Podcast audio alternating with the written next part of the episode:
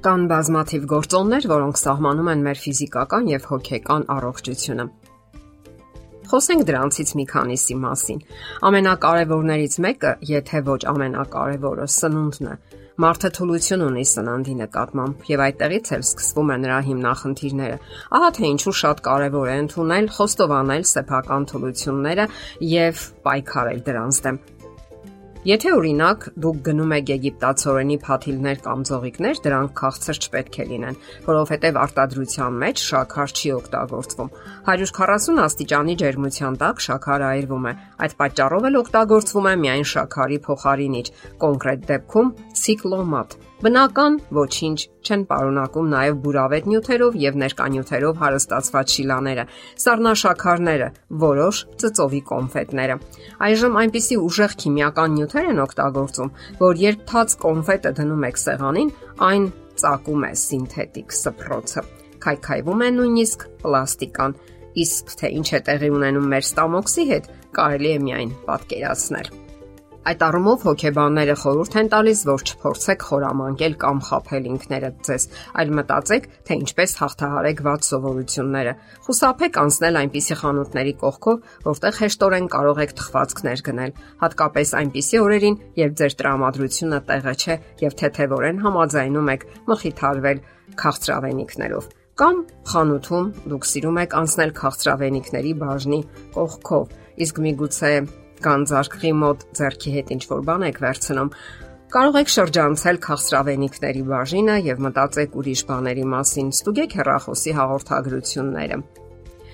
Եկեք հասկանանք, մեր կյանքը կազմված է մոտավորապես 90000 սննդի ընդունումներից։ Մենք պետք է կարողանանք ճիշտ ընտրություն կատարել եւ այդ ընտրությունն առաջարկենք նաեւ մեր երեխաներին։ Մենք չենք կարող անկամ դիտորդներ լինել այն բանի, թե ինչպես են աղավաղում մեր առողջությունը սննդային հսկաները, որոնք գերշահույթ են ստանում մեր հաշվին։ Մենք տիկնիկներ չենք, որոնց հետ կարելի է վարվել ինչպես ցանկանան։ Եվ վերջապես նշենք համատեղ ճաշկերույթները։ Այդ ժամանակ է, որ խախտվում են առողջ կենսակերպի համարյա բոլոր կանոնները եւ ջնջվում են բոլոր սահմանները։ Մարդիկ օրերով պատրաստվում են, թե ինչ սնունդ են օգտագործելու եւ ինչպես են պատրաստելու այն։ Նման օրերին եւս տոնական հավաքույթներին հարկավոր է լինել զգույշ, զուսպ եւ խելամիտ։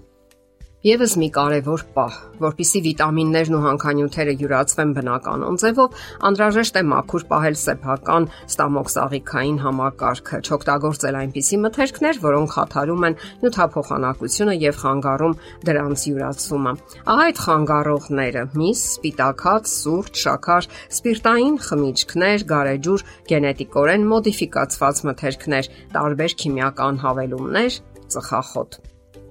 Ինչ կարելի ասել թմրանյութերի մասին։ Այսօր աշխարհում հաշվարկվում է ավելի քան 1500 հոգեմետ թմրանյութ։ Դրանք բոլորն էլ ազդում են մարդու կենտրոնական նյարդային համակարգի վրա եւ առաջացնում որոշ էֆեկտներ՝ տագնապի ու լարվածության վիճակի վերացում, էյֆորիկ վիճակ, ֆիզիկական եւ մտավոր ընտունակությունների պատրանքային բարձրացում, աններդաշնակ զգացմունքներ, վարքագծային փոփոխություններ եւ այլն, եւ որ ամենասարսափելին է լուրջ կախվածություն։ Արդյունքում կործանվում են մարդկային ճակատագրերը եւ խեղվում է առողջությունը։ Անիմաստ մահերը հաջորդում են մեկը մյուսին սատանայական խրախճանք, այսպես կարելի է անվանել այն ճարիքը, որ այսօր առաջարկում է սատանան մարդկությանը, եւ շատ շատերն են ընկնում այդ նենգորեն հյուսված թակարդները։ Նրանք ծխում են, խմում, հազարավոր անիմաստ աղետների պատճառ դառնում, ծեծում, սպանում ու սպանվում։ Մարդիկ տրվում են շատակերությանն ու անառակ հաճույքներին եւ քայքայում իրենց մարմինը արդյունքում վաղաժամ հեռանալով այս աշխարից։ Նրանք իրենց զրկում են հարազատների ներկայությունից ու նաև հարազատներին իրենց ներկայությունից եւ վաղաժամ տարապանք պատճառում նրանց։ Դե ինչ, այստեղ բոլորիս անհրաժեշտ է լավատեսություն։ Լավատեսությունն այն է, երբ դու նայում ես կյանքի լավ կողմերին, չնայած շուրջ բոլորը մոլեգնող ճարիքին ու հիմնախնդիրներին։ Դու ուշադրություն ես դարձնում հիանալի եղանակին եւ կյանքի մանր, པարզ ուրախություններին։ Դրական հույզերի սովորությունը ամենօրյա կյանքում վառ է պահում մեր լավատեսությունը, օգնում է պահպանելու ինքնատիրապետումը, հոգեպես չընկճվելու դժվար իրավիճակներում։ Ասենք որ լավատեսությունն օգնում է արագ վերականգնվել գրավելուն, բացասական հույզերից հետո արագ անցում կատարելուն դեպի դրականը, սթրեսի անցանկալի հետևանքներից ազատագրվելուն։ Իսկ չէ որ սթրեսը, ինչպես նաև չարությունը կամ վախը մարդուն ստիպում է բավականաչափ հոգեկան եւ ֆիզիկական էներգիա ծախսել։ Երբ մենք բավականաչափ երկար ենք մնում լարված վիճակում, հոգնում ենք եւ դառնում ավելի խոցելի։ Իսկ ահա ապրելով, ապա եւ հեռացնելով բացասական հույզերը, մենք ոչ միայն խնայում ենք մեր ուժերը, այլև պաշտպանում մեզ հոգեկան, հոգեբանական վնասվածքներից։ Այստեղ ամենակարևոր բաներից մեկը, որ կարելի է խորհուրդ տալ ջուրն է Բավարար քանակով ջուր օգտագործելու դեպքում ավելի երանդով են աշխատում բրոնխները, ստամոքսն ու աղիները։ Եթե օրգանիզմը ջրազրկված է կամ ջրի կարիք ունի, նրա լորձաթաղանթային մակերևույթները ջրազրկվում ու չորանում են։ Նրանց վրա միաժամանակ կուտակվում է լորձ եւ խորխ, որը կպչում է շնչառական ուղիների պատերին եւ դառնում հարմար միջավայր հիվանդացին բացիլների եւ միկրոբների զարգացման համար։ Ջուրը կարևոր է նաեւ իմունային համակարգի երանդուն գործունեության համար առանց մաքուր ջրի օրգանիզմը չի կարող բնականon գործունեություն ծավալել։